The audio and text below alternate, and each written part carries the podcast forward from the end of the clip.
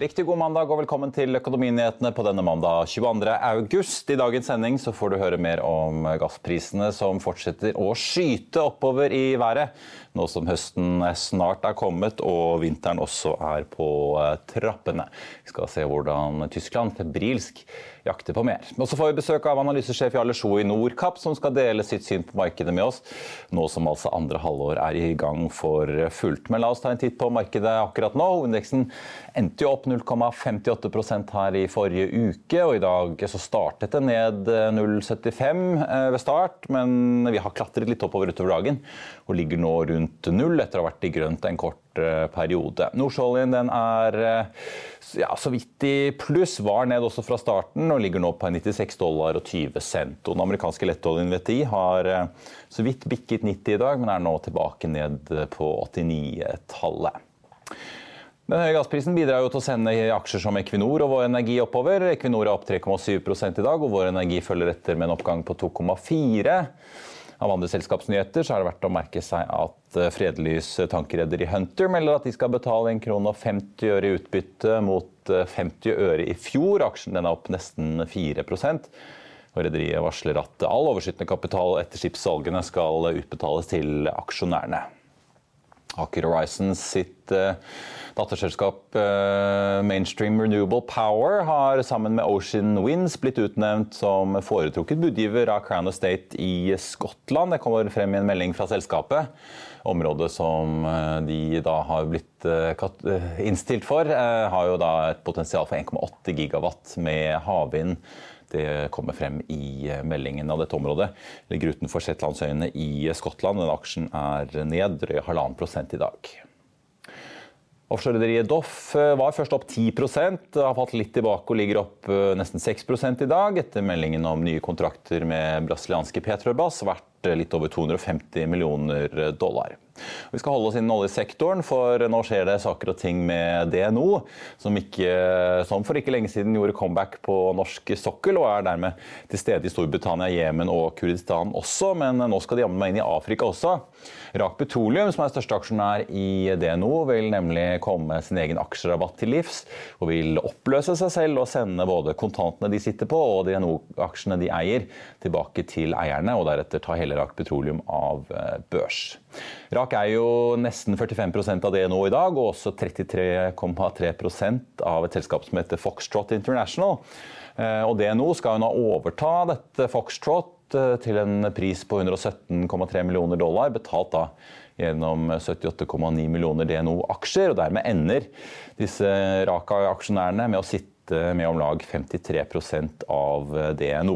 Foxtrot holder jo på med gassutvinning i Elfenbenskysten, og forslaget skal komme opp på en ekstraordinær generalforsamling 21.9. DNO og RAK har gjort noen regnestykker, og RAK mener selv at eh, totalt da får aksjonærene deres utbetalt verdier tilsvarende 25 kroner og 82 øre, sammenlignet med en sluttkurs på 12 kroner og 85 på fredag. Og eh, markedet har jo åpenbart eh, i hvert fall tatt deler av denne kalkylen til grunn, for RAK-aksjen er opp 72 i dag til 22 kroner og 10 øre. DNO faller på sin side litt over 5% til 14,43. Vi må også innom REC, som er ned litt over 7 i dag. De kommer med sin kvartalsrapport i forrige uke, der de kom med nye detaljer om eh, planene for en gjenåpning av Moses Lake-anlegget. Nå kommer det frem i en melding i dag at de har inngått en intensjonsavtale med Mississippi Silicon, eh, som altså, skal, eh, som altså er den første fabrikken i USA på 40 år som produserer silisiummetall. Og REC etter planen da, skal jo da ta dette inn. Nå kommer det ikke frem verken noen volumer eller verdier i meldingen for hva REC skal kjøpe dette silisiumet for, men eh, det kan jo da hende at vi får det om ikke altfor lenge. Det er uansett sånn at eh, både REC og storaksjonæren deres Hanwa, dette sørkoreanske industrikonsernet, jobber med å både gjenåpne Moses Lake og også etablere da en verdikjede for eh, solcelleproduksjon i eh, USA, i kjølvannet av at amerikanske politikere har vedtatt en Inflation Reduction Act. Meglerhus Fearnleys oppjuster oljeselskapet Okea, og kursmål der fra 13 til 57 kroner, og gjentar en kjøpsanbefaling. Den aksjen er opp litt over 5 i dag til 47 kroner, ifølge TDN. Fearnleys skriver at de fortsatt er positive til Okea-caset, til tross for utfordringene som har rammet det nylig gjenåpnede Yme-feltet. Og så forklarer jo da Fearnleys at grunnen til at de fortsatt har troen på selskapet videre, er at Draugen har levert gode tall. I tillegg så peker de på at Okea så langt har levert et erklært utbytte på 301 millioner kroner, eller nesten 3 kroner aksjen. At de mener Okea har et potensial på ytterligere 4,3 milliarder, eller 41 kroner og 40 øre til per aksje i perioden 2023 til 2027. og Dermed legger Fearnleys til grunn at det skjer en reprising av Okea-aksjen. Og når vi først snakker om analytikernes anbefalinger, Capesize-ratene har falt så mye nå at rederne taper penger i spotmarkedet, ifølge Sparebank1 Markets. Analytiker Vetle Wilhelmsen reagerer med å kutte hardt i kursmålet på John Fredriksens Golden Ocean fra 140 til 105 kroner og gjentar en hold-anbefaling. Den aksjen er ned en 4 i dag, til rett under 98 kroner aksjen. Og den aksjen nådde jo da en topp i mai på 150 kroner. Før vi går videre i sendingen, husk at du også kan se sendingene våre ved å gå inn på fano-tv, og at vi også har andre podkaster enn bare Økonominyhetene, som Morgenkaffen, Gründerpodkasten Veien hit, Ukens vintips, Kunstpraten og bilpodkasten Mil etter mil. De finner du ved å søke Finansavisen der du hører på podkast. Vi var innom oljeprisen i dag, men vi må også innom gassen. Fordi at gassprisen både i Storbritannia og Nederland og for også USA, eh, dog ikke med så stor effekt, er jo kraftig opp den siste tiden. Og I dag ser vi at den britiske og nederlandske gassprisen er opp rundt 17% til, litt av hvilken kontrakt man ser på. Dermed er den nederlandske TTF-prisen nå nesten dobbelt nei, tredoblet unnskyld, siden juni, og langt over da toppen vi så i mars måned. Den britiske gassprisen stiger til 540 pence per termisk enhet i dag. I slutten av juni var denne på under 200. Ifølge det med markedsanalytiker Helge André Martinsen så tilsvarer de britiske gassprisene nå en 375 eh, dollar per fat, hvis man da tar det i oljeekvivalenter, mens i Nederland den nederlandske gassprisen da tilsvarer 487, så vi begynner altså å snuse på en gasspris som tilsvarer nesten 500 dollar fatet per oljeekvivalent. Martinsen peker på at vedlikeholdet som skal skje på eh, Nord Stream 1-rørledningen fra Russland til Tyskland, som ble varslet på fredag, er uvanlig tett på den forrige vedlikeholdsrunden og at 1 kun har gått på 20% kapasitet den siste tiden. Og med disse prisene og krisen som rammer Europa, så jobbes det intenst fra europeisk side for å sikre seg nok energi til eh, vinteren og for å komme seg gjennom vinteren. Tysklands eh, forbundskansler tok jo turen til Norge her i forrige uke for å møte Jonas Gahr Støre, men selv om Olaf Scholz skrøt av Norge som gassleverandør på vei hjem, så har vi ikke noe særlig mer å gå på. Og som Luberg rapporterer, så prøver tyskerne nå å få Canada til å stille med mer LNG, mer LNG, samtidig som forhandlingene med land i den arabiske gulfen ikke ser ut til å bevege seg så veldig mye fremover. With Europe in the middle of its worst energy crisis in decades, politicians are being forced, as we mentioned, to look at those alternatives. Germany's leaders say the country may need to extend the life of nuclear plants if it cannot replace all its gas imports from Russia. For more, we are joined by Birgit Jenen, our Berlin bureau chief. Birgit, where do things stand in terms of what policymakers in Berlin are looking at at a point where you've got 78% capacity filled in terms of, of gas storage? What are the alternatives and how actively are policymakers looking at them? Well, I mean, the government is, is heavily looking at alternatives. I mean, Scholz is currently in Canada, and it is exactly in this context that he is basically trying to uh, get help from Canada in providing LNG um, in, in the almost near to middle, medium term future. But really, talks with uh, international partners have been extremely difficult. We have been talking uh, with some people in the government, and they say that talks with Qatar has run into a deadlock. This same thing is with uh, Norway. Norway has been um, extending its gas production and gas deliveries, but it's also at a maximum. And Canada is also at the, the, the moment not willing, really, or, or politically able to um, uh, kind of uh, deliver LNG because it would mean a turnaround in their environmental policy. So it is a bit of a scramble at the moment for the government, and therefore the yeah. government is uh, seriously looking at keeping maybe the nuclear plants running running for a while. Uh, Birgit, uh, talk to us. Uh, we focus so much, of course, on the UK cost of living crisis. What's it like in Germany? Are there any? Is there more support than other parts of Europe that the government has to put in place? And what also does that mean for Olaf Scholz's popularity? We already see that his popularity is, is really going down. I mean, he is being traveling during the summer break through the countryside, particularly in eastern Germany. And last week we actually had seen sort of the first really outbreak, um, um, sort of um, aggression against Scholz at events. So the mood is clearly changing, and he's very well aware he has been the government, but has no chance then to pass on some of the extra costs to the consumers, but it's it's just not enough. I mean, his basically client, his electorate is particularly hard hit mm. because it reaches the, the low income earners. So he is, and the government is looking at some form of compensation, but we have to see where the mood is turning during the winter. Okay, so looking potentially at compensation, the political hit there, of course, for the German Chancellor. When it comes to the question of nuclear, Birgit, what is, what is the process in terms of getting this online? There's a deadline, isn't there, for this industry, and how much pressure is coming from, from industry leaders on this front? There is uh, certainly pressure in terms of uh, uh, securing Germany's energy supply because the industry is really concerned that they have to get into, into regulated rationing. Obviously, that would give a major hit to the economy. So the procedure is that by the end of this month, early next month, the government has done its review and they are looking at whether um, where basically nuclear could make a contribution because because you have to keep in mind the government and the, the energy crisis is largely an electricity crisis. So, um, um, um, and, and the nuclear um, is, is basically not exactly giving, um, making the, the, the, the, necessary energy supply needed. because what, what Germany is needing at the moment is, is, is gas. And um, so basically, the government says now, while it probably only contributes a minimal bit to the energy situation, that might be the stroke which is needed to get over the winter.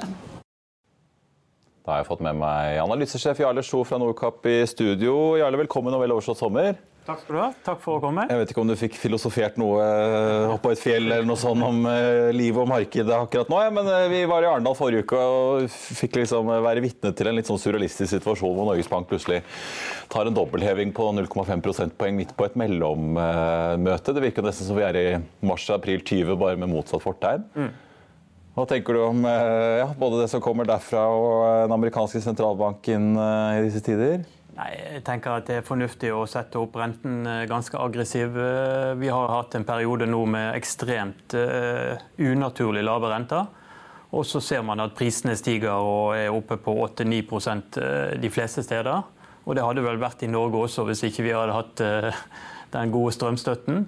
Så, så, da må man, for å få ned inflasjonen til 2% så må man heve renten. Og det er bedre å gjøre det raskt og litt aggressivt nå enn at denne, dette høye prisnivået setter seg. Så, så jeg syns det er helt fornuftig. Og så får vi se om eh, hvor mye det blir på, på, på neste møte, både i Norge og i, i USA. Ja, men Tror du som eh, Nicolai Tangen at kan både avkastningen på aksjer og renter ryke samtidig med så kraftige renteøkninger? Ja, jeg syns det er litt eh, rart. Kart og terreng passer jo ikke helt. For det aksjemarkedet har jo vært bra. Det har jo vært en ordentlig sommerfest fra midten av juni hvor, eh, hvor det amerikanske markedet har gått opp 15 eh, og det, Den oppgangen eh, må jeg si jeg ble litt overrasket over.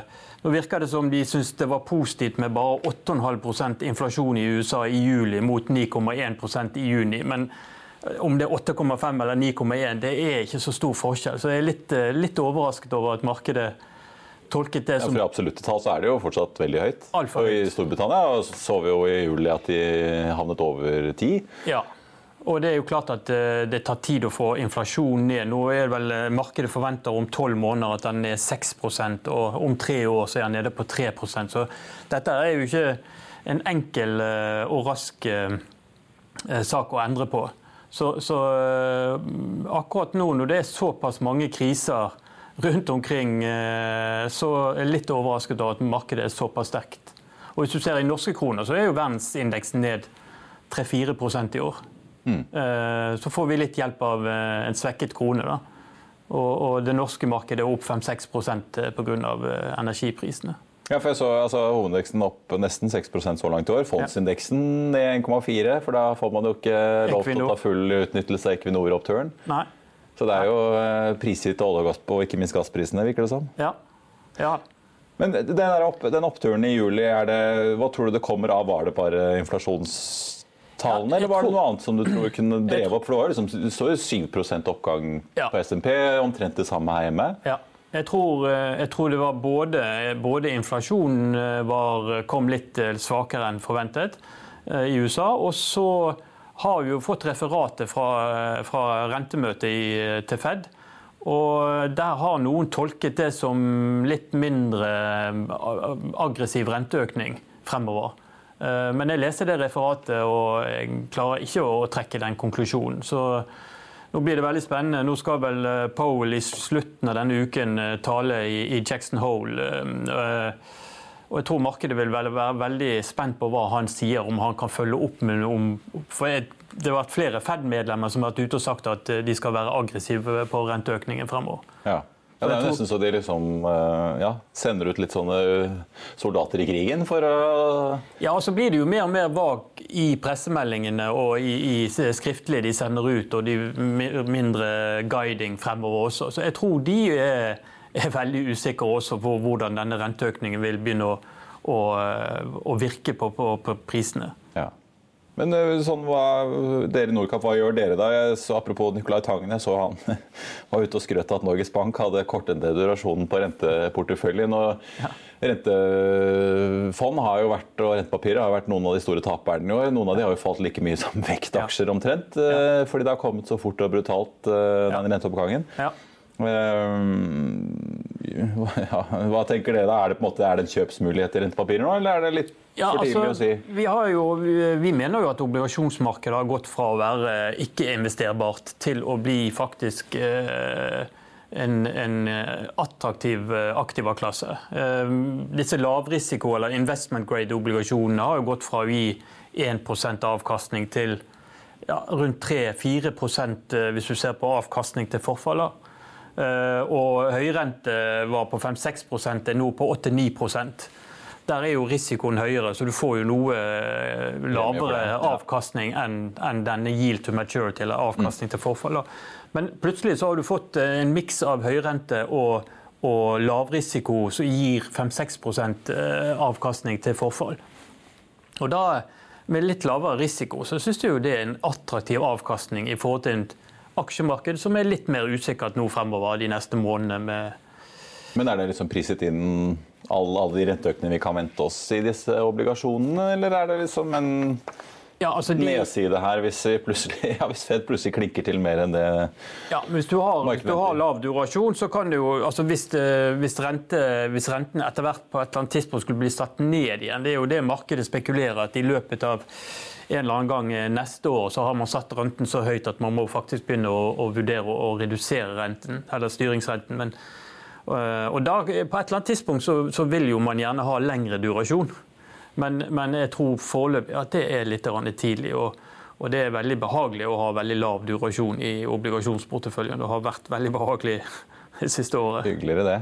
Du, eh, jeg så i uh, sommerrapporten, julerapporten dere sendte ut uh, her for ikke så lenge siden, så peker dere på at da hadde i hvert fall over halvparten av SMP 500-selskapene sendt ut kvartalsrapporter. 73 av de, av de altså, hadde levert bedre inntjening per aksje enn ventet. Hvordan leser du den resultatsesongen som vi nå begynner å legge bak oss? Er det liksom en ting er jo inntjening, men uh, hva de sier i guidingen sin er kanskje vel så viktig ja. fremover? da? Ja, eh, resultatene har vært veldig bra. Eh, og så tror jeg man er mer forsiktig med, med fremtiden. Og jeg så en eller annen statistikk som er basert på intervju med, med, med, administrerende direktører i de store selskapene, og de var jo blitt klart mer negative til fremtiden. Eh, og så er det jo tidlig å se hvordan vil forbrukerne reagere til alle disse kostnadsøkningene, både renteøkningen og, og økte matpriser og økte energi og, og, og drivstoff. Det, kom, det er en viss forsinkelse her. Nå har vi sett at kredittkortgjeld har steget mye i USA.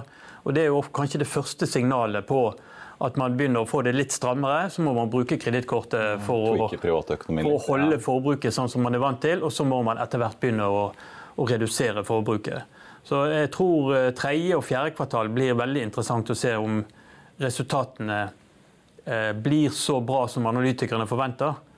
Og um, analytikerne forventer en 5-6% resultatvekst i år og 5-6% resultatvekst neste år. Og Særlig neste år så tror jeg de må justere ned estimatene sine. For det virker veldig positivt med, ja. med alle de kostnadsøkningene som vi får, og etter hvert redusert eh, forbruk. Hva er favorittene deres i, sånn sektormessig nå? da? Nei, eh, vi, vi, har fremdeles en overvekt både finans og eh, teknologi. Men de overvektene har, har gått ned en del. da. Men, men geografisk så er vi jo syns det, jo, det begynner å bli spennende med fremvoksende markeder. Eh, som har gjort det ganske svakt lenge nå. Eh, er rimelig priset. Og USA, som er så dominerende i verdensindeksen altså Hvis du ser på MSCI World, så er USA nå nærmere 70% i den indeksen. Og de har 24% av global økonomi. Så det er en sånn veldig mismatch mellom eh, USAs vekting i verdensindeksen og eh, og eh, deres andel av økonomien. Det, det samme så vi på slutten av 80-tallet med Japan, hvor du hadde Japan som var vel oppe i 44% av indeksen, og i dag er de 6 mm. Så jeg tror det å, å, få lagt til litt fremvoksende markeder i, i porteføljen og jeg tror det er et gunstig tidspunkt nå med prisingen såpass lav, både i kinesiske aksjer, men også andre, andre fremvoksende markeder. Ja, I hvert fall kinesiske eh, aksjer har kommet ganske mye ned. Ja. ja. Men det er en grunn til det også. da. Det, det er jo Økonomien nå vokser på 3-4% istedenfor 5-6 eh, og de har et eiendomsmarked som, som eh, Man lurer på som skjer med? Ja, som, ja, for de har en del utfordringer. Eh, så får vi se om, om ikke presidenten vil ta og stimulere litt mer nå når han skal bli valgt til en ny periode. Da. Vi snakket om obligasjoner og rentenivå. Eh, du sa dere har tatt ned overvekten av teknologi litt. Det er jo en sektor som eh, har vært ganske rentesensitiv. Ja. Fått kjørt seg ganske hardt. Ja. Men er dere litt mer usikre på utviklingen fremover, da, siden dere tar ned overvekten der? Ja, altså Vi gjør jo ikke de valgene. Vi, eh, vi velger jo forvaltere. Så vi kjøper jo eksterne fond. Eh, og Da er det jo forvalter som, som gjør eh, de endringene i sine fond, og så aggregerer vi de, alle de fondene vi har i porteføljen. og så ser vi vil, hvilken eksponering har vi til de ulike sektorene. Så hva er grunnen til at de har tatt ned litt? Det, det kan være renteøkninger. Vi har jo en del eksponering mot små og mellomstore selskaper. og Der er det jo en del andre faktorer som har større betydning enn en eh, renteendringene. da.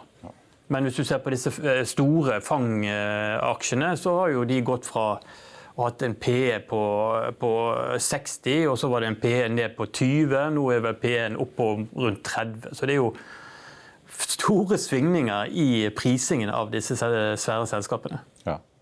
Energisektoren, Vi hadde jo innslag her om uh, hvor desperat man er i Tyskland uh, for tiden. Det ser jo ikke ut til at uh, de høye prisene gir seg helt ennå. Så oljeprisen er under 100, så ligger den fortsatt på godt opp på 90-tallet.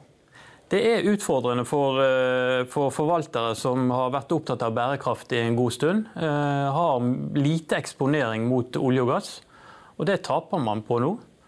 Eh, og jeg vil anta at veldig mange nå begynner å diskutere hva er egentlig en bærekraftig portefølje Eh, skal det inkludere gass, i alle fall, som nå er blitt definert som grønt. Nå, nå er innafor EU igjen, nå er innenfor, plutselig.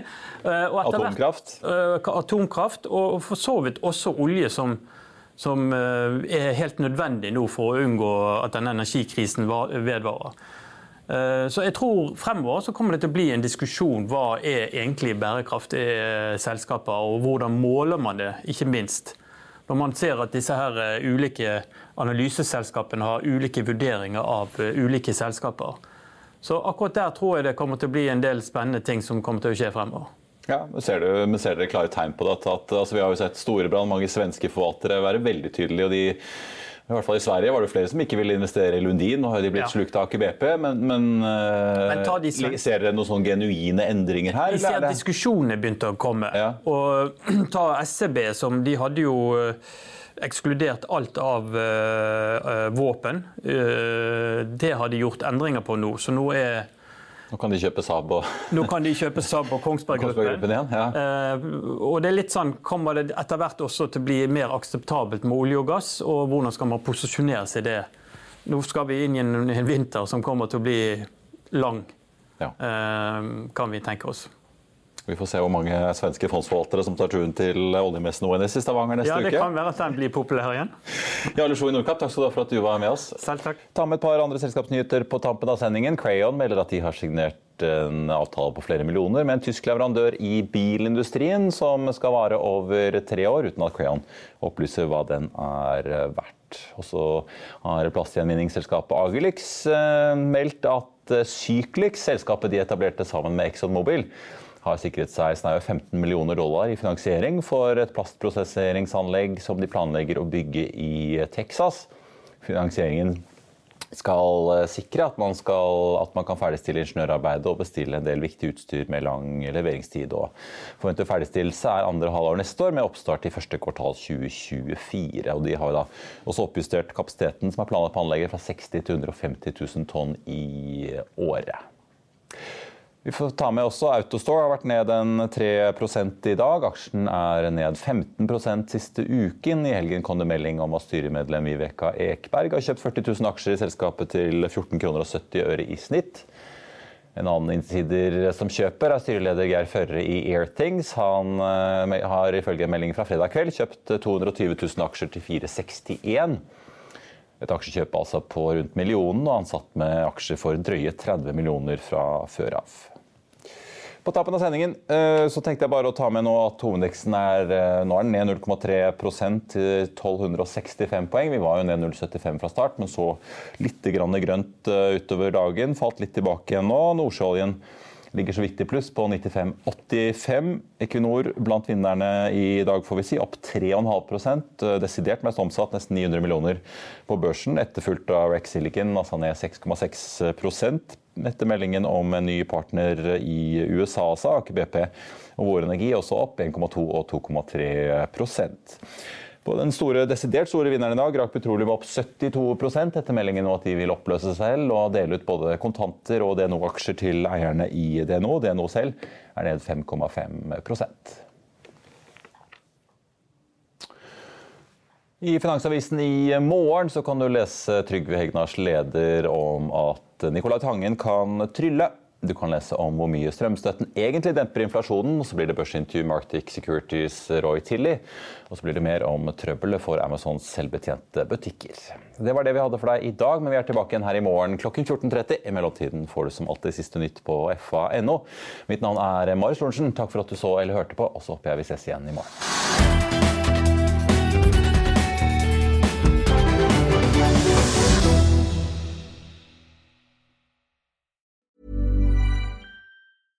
Small details are big surfaces. Tight corners are odd shapes.